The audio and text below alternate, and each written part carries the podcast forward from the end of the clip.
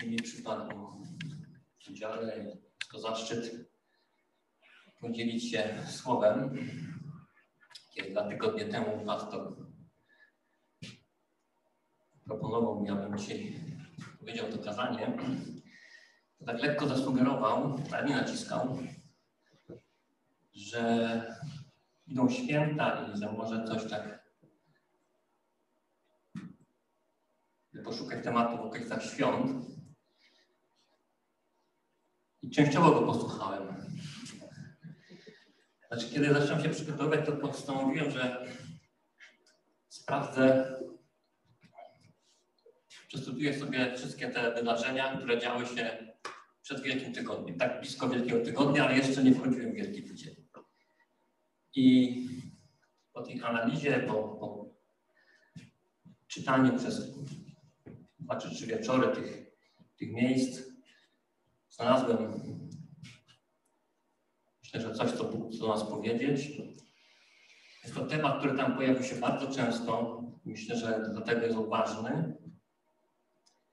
Jest to temat, którego, z którym uczniowie mieli poważny problem i żeby go zrozumieć dokładnie. Myślę, że my mamy ten sam problem, dlatego stwierdziłem, że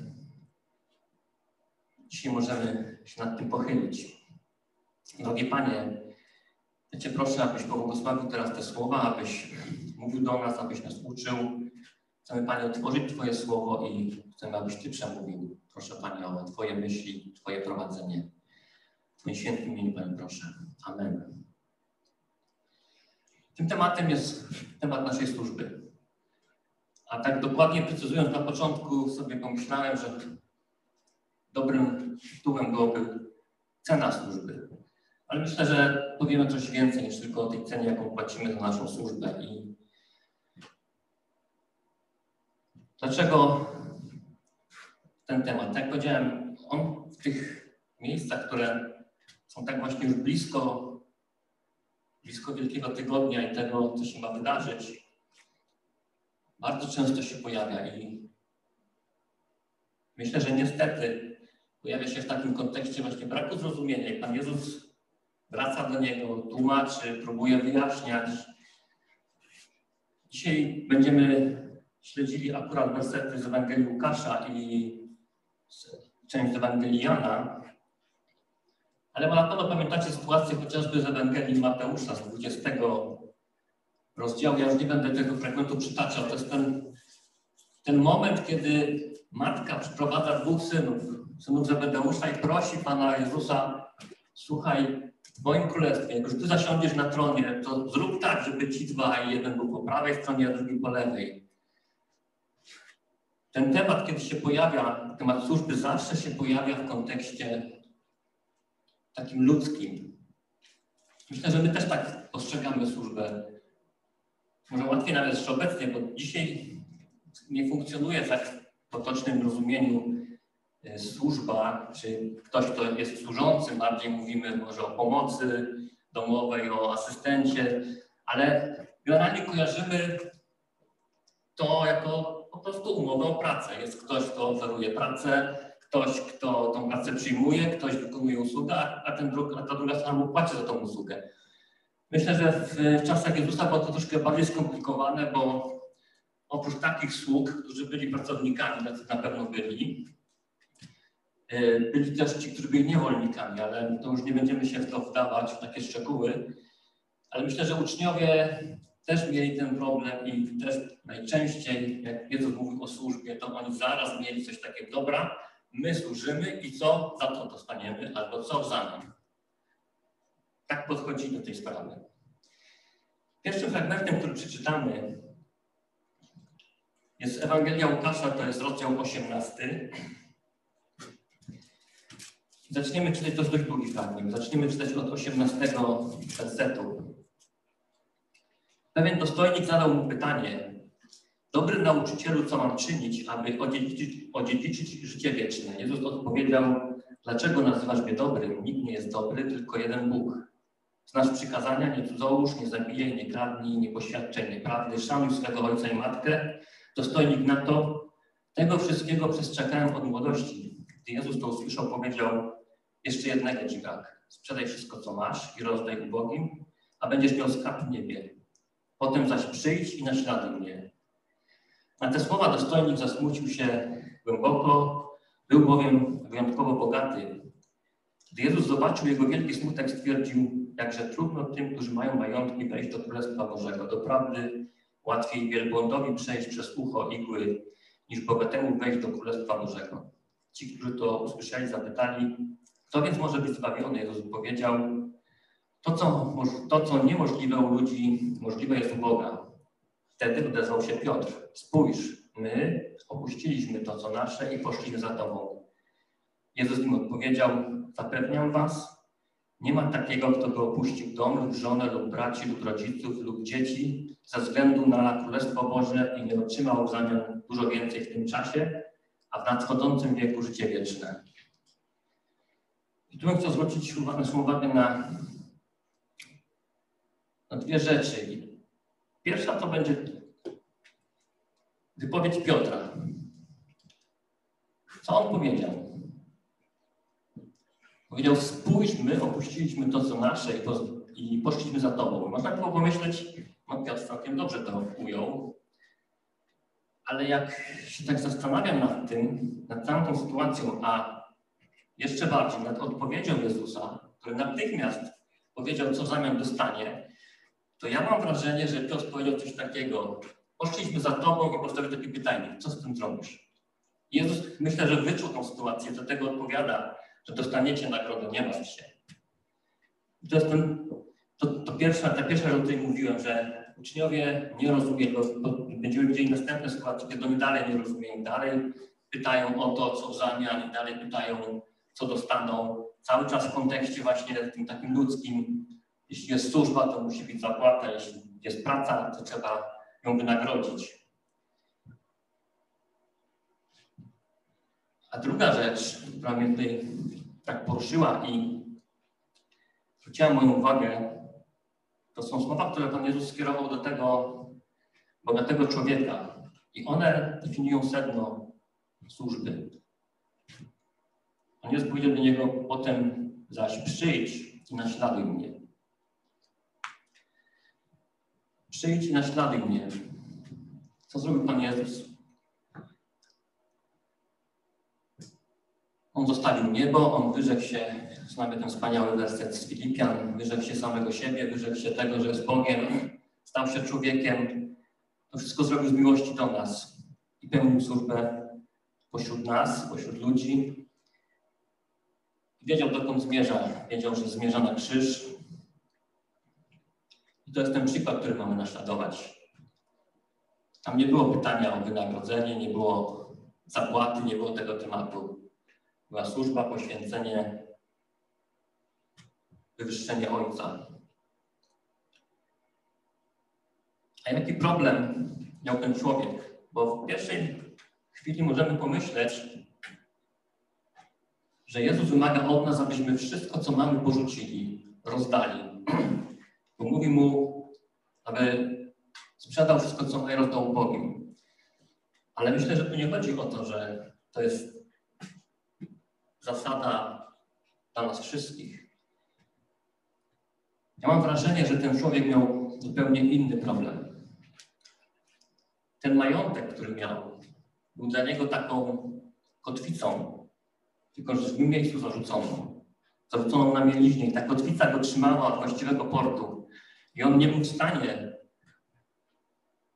może nie dlatego, że był chytry, ale dlatego, że te sprawy doczesne, ten majątek, być może to odziedziczył po rodzicach, nie wiemy, to wszystko tak bardzo go angażowało i tak wiele wymagało jego uwagi, że on nie był w stanie tej uwagi poświęcić na służbę. I on potrzebował po prostu to zostawić. Zostawić doczesność, zostawić sprawy tego świata, odciąć tą kotwicę i wpłynąć do właściwego portu. I dopiero wtedy, kiedy pozbył się, kiedy pozbyłby się, bo wiemy, że on odszedł zasmucony nie zrobił tego, Wtedy mógłby przyjść i naśladować Jezusa.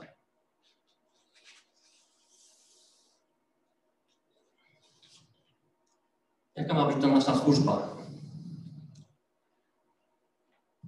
Będziemy czytać teraz następne fragmenty. Będzie ich kilka i na ich podstawie będziemy sobie mówić i tutaj przedstawiać w różnych aspektach służbę i jak, jak powinniśmy ją rozumieć. Ja bym chciał tylko, abyśmy zawsze pamiętali, kiedy to się dzieje właśnie, że to jest ten moment, kiedy Pan Jezus już wie, że ma mało czasu i mam takie wrażenie, że skoro o tym mówi, to jest to ważne.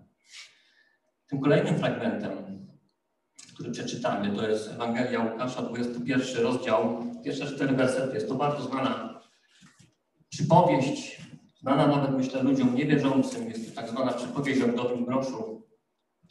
Czytamy tam takie słowa. Gdy Jezus podniósł wzrok, zobaczył, jak bogaci rzucają do skarbony swoje dary. Zauważył też pewną wdowę, bardzo ubogą, rzucała dwa grosze.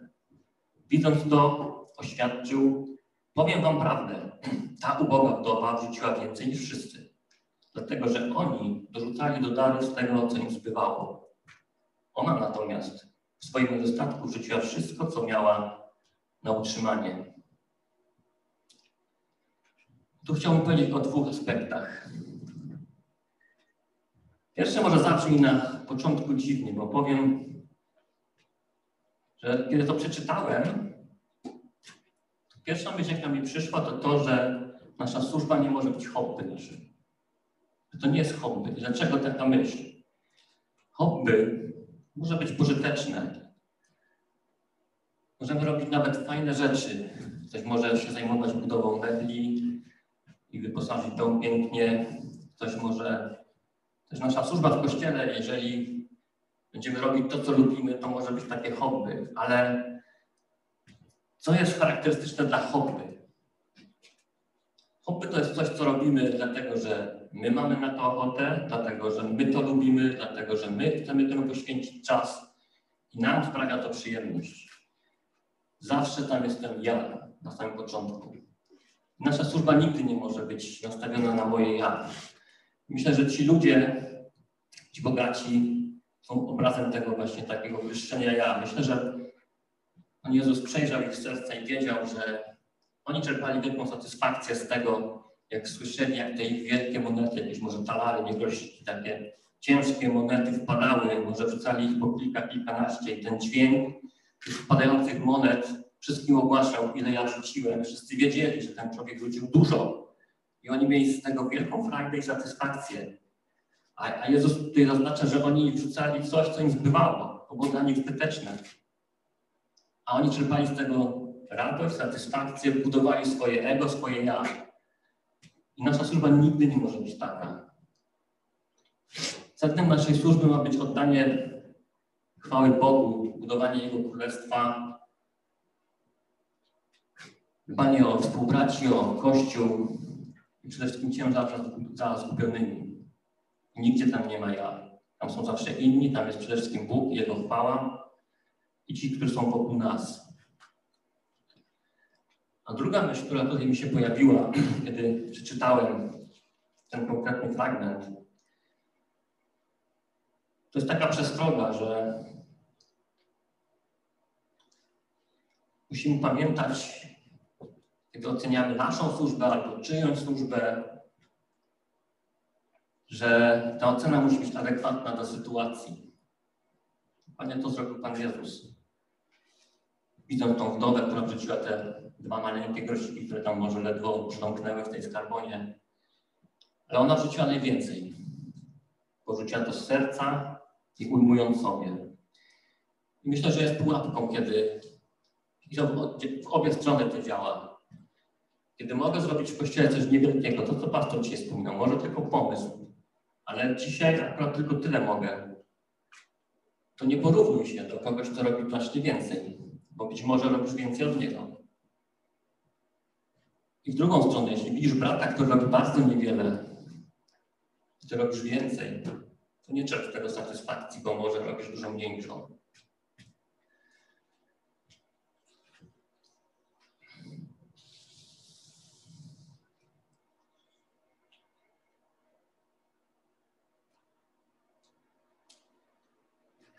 Kolejną rzeczą, co zwróciła moją uwagę, to jest aspekt tego, że musimy ponieść cenę naszej służby.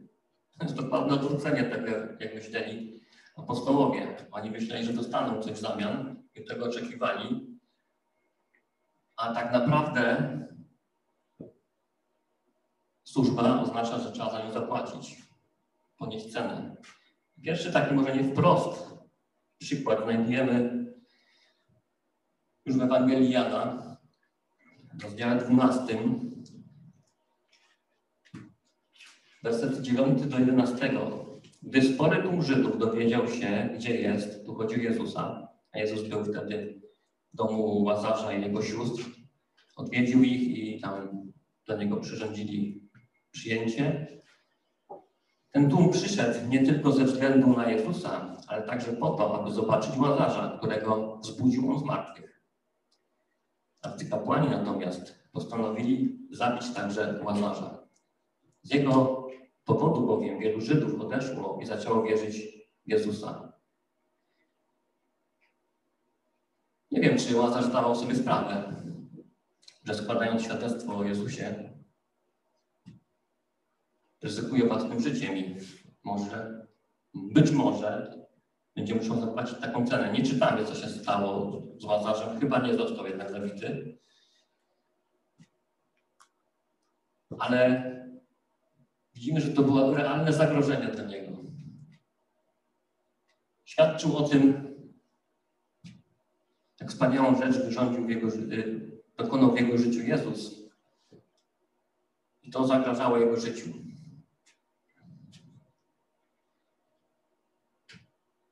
I czytając dalej, ten sam, ten sam rozdział, 12 rozdział Ewangelii Jana, wersety 25, 27 i potem 28, czytamy takie słowa. Kto kocha swoje życie, straci je, a kto nienawidzi swojego życia w tym świecie, uchroni je dla życia wiecznego. Jeśli ktoś chce mi służyć, niech idzie za mną, a tam, gdzie ja jestem, będzie także mój sługa. Jeśli ktoś chce mi służyć, uczci go mój ojciec. Teraz moja dusza jest w trwodze. I co mam powiedzieć? Ojcze, wybaw mnie od tej godziny? Przecież dla tej godziny przyszedłem. I tu dalej mamy ten aspekt ceny, którą trzeba zapłacić. Pan Jezus jest doskonale, doskonale zdaje sobie sprawę i wie, w jakim jest miejscu i wie, że już bardzo niewielka odległość w czasie dzieli go od ukrzyżowania. Jeżeli musi zapłacić tą cenę. Jest gotów ją zapłacić. Czytamy tutaj, że jego dusza jest w trwodze i oczywiście tak po ludzku to jest zrozumiałe, bo każdy z nas boi się śmierci, a tym bardziej, jeśli byśmy wiedzieli, że śmierć będzie śmiercią na krzyżu, tak straszną, drastyczną i bolesną. Ale myślę, że ta trwoga tutaj to nie jest tylko strach przed śmiercią, przed tą konkretną, ale w tej trwodze jest znacznie więcej. Pan Jezus wie, że wtedy będzie musiał wziąć na siebie grzechy. On, święty Bóg, weźmie mój grzech, twój grzech, grzechy wszystkich ludzi. I że będzie musiał wypowiedzieć Boże mój, Boże mój, czemu mnie, czemuś mnie opuścił? Że przez to, że weźmie te grzechy, on straci relację ze swoim ojcem. Myślę, że nie wiem, co bardziej go przerażało, ale mogę przypuszczać, że bardziej to go przerażało. Ale jednak wie, że ta cena musi być zapłacona. I te słowa są takie piękne tutaj. I co mam powiedzieć? Ojcze, wybaw mnie od tej godziny? Mógłby to powiedzieć i on wie, że mógłby to powiedzieć, ale mówi, nie, no przecież dla tej godziny przyszedłem. Trzeba dokończyć dzieło, trzeba być wytrwałym. Chciałbym, abyśmy jeszcze teraz przeczytali werset 28 i może w połączeniu z 27. Teraz moja dusza jest w trwodze i co mam powiedzieć? Ojcze, wybaw mnie od tej godziny, przecież dla tej godziny przyszedłem. Ojcze, uwielbij moje imię, wtedy z nieba rozległ się głos, uwielbiłem i jeszcze uwielbię. Nie wiem, czy śledziliście dokładnie ten tekst, jak go teraz czytałem. tam zrobiłem błąd w jednym miejscu. Przeczytałem Ojcze, uwielbi moje imię, ale tam nie jest tak napisane. Choć mogłoby być. Bo dzieło się dokonało i mógł powiedzieć, dokonałem dzieła, teraz mi uwielbi. Ale Jezus nie mówił uwielbi mnie. Dokonał tego dzieła i mówi, Ojcze uwielbi swoje imię. I znowu rezygnuje z siebie, choć miał pełne prawo żądać czegoś za to, co zrobił, ale oddaje Bogu, chwałę Bogu. I to jest coś, co dla nas jest taką wspaniałą wskazówką. Nasza służba ma być uwielbieniem dla Boga, ma być oddaniem uchwały. Musimy być wytrwali. I musimy zawsze być gotowi powiedzieć, Ojcze, uwielbi swoje imię. I na koniec chciałem Was, już nie będziemy tego czytać, tego fragmentu, to takie zadanie domowe.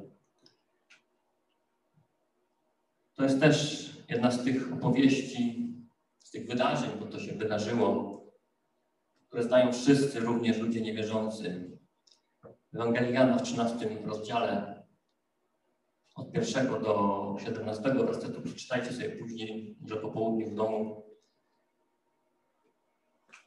Tam jest ta sytuacja, kiedy Jezus po raz kolejny pokazuje uczniom, co znaczy służba i obmywa ich nogi. I to tyle niezwykłe, że w tamtej kulturze absolutnie nie było zwyczaju, aby sobie nawzajem obmywać nogi, wręcz to się im w głowie nie mieściło, że równy równemu mógłby coś takiego zrobić. Jeśli nawet był ktoś do obmywania nóg, to był to jakiś sługa, może niewolnik, ktoś taki właśnie dużo niższy stanem i, i w tej całej hierarchii społecznej to on mógł to robić, można mu było rozkazać, żeby umył nogi gospodarzowi czy gościom, ale na pewno nie ludzie sobie nawzajem. A Jezus jako nauczyciel obmywa nogi uczniów. I na samym końcu czytamy, Jezus im to wszystko wyjaśnia i 17 werset i tym wersetem zakończymy. Czytamy tam takie słowa. Skoro już o tym wiecie, jesteście szczęśliwi, o ile będziecie tak postępować. W niektórych tłumaczeniach pojawia się słowo błogosławieni.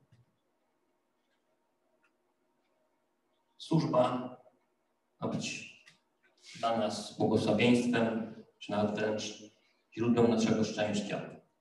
Tego wszystkim nam życzę i zachęcam, byśmy przemyśleli, byśmy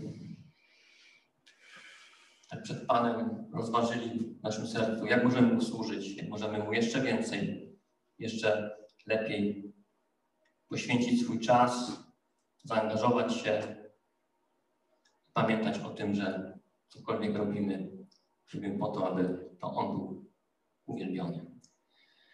Drogi Panie, dziękujemy za to, że uczyłeś nas, tak jak i uczniów, Panie, przed Twoim odejściem. Proszę, daj nam takie zrozumienie, przekonanie, przemów przez to słowo. Zachęć nas, Panie, do tego, abyśmy służyli, abyśmy swój czas, Panie, właściwie wykorzystywali. Chcemy, Panie, Ciebie uwielbić, abyś Ty w naszym życiu był, Panie, na pierwszym miejscu, abyś Ty był uwielbiony. W Twoim świętym imieniu się modlę. Amen.